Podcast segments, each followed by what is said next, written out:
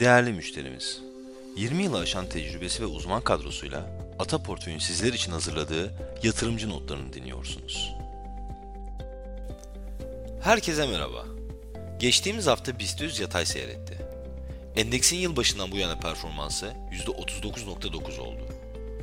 Küresel hisse senedi piyasalarında risk iştahı artarken Nasdaq endeksi %6.6 getiriyle öne çıktı. Emtia piyasaları ise karışık seyretti. Ham petrol değer kaybederken baz metaller ve gümüş yükseldi.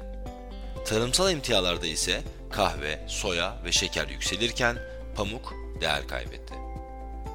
Ataportföy yatırım fonları arasında ise haftalık bazda en yüksek getiriyi %5.4 ile Ataportföy robotik teknolojileri değişken fon sağladı.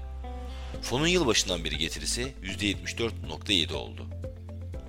Türkiye kredi temerrüt takası hızlı bir şekilde 370 bas puan seviyelerine gerilerken 5 yıllık Eurobond'un faizi %7 oldu.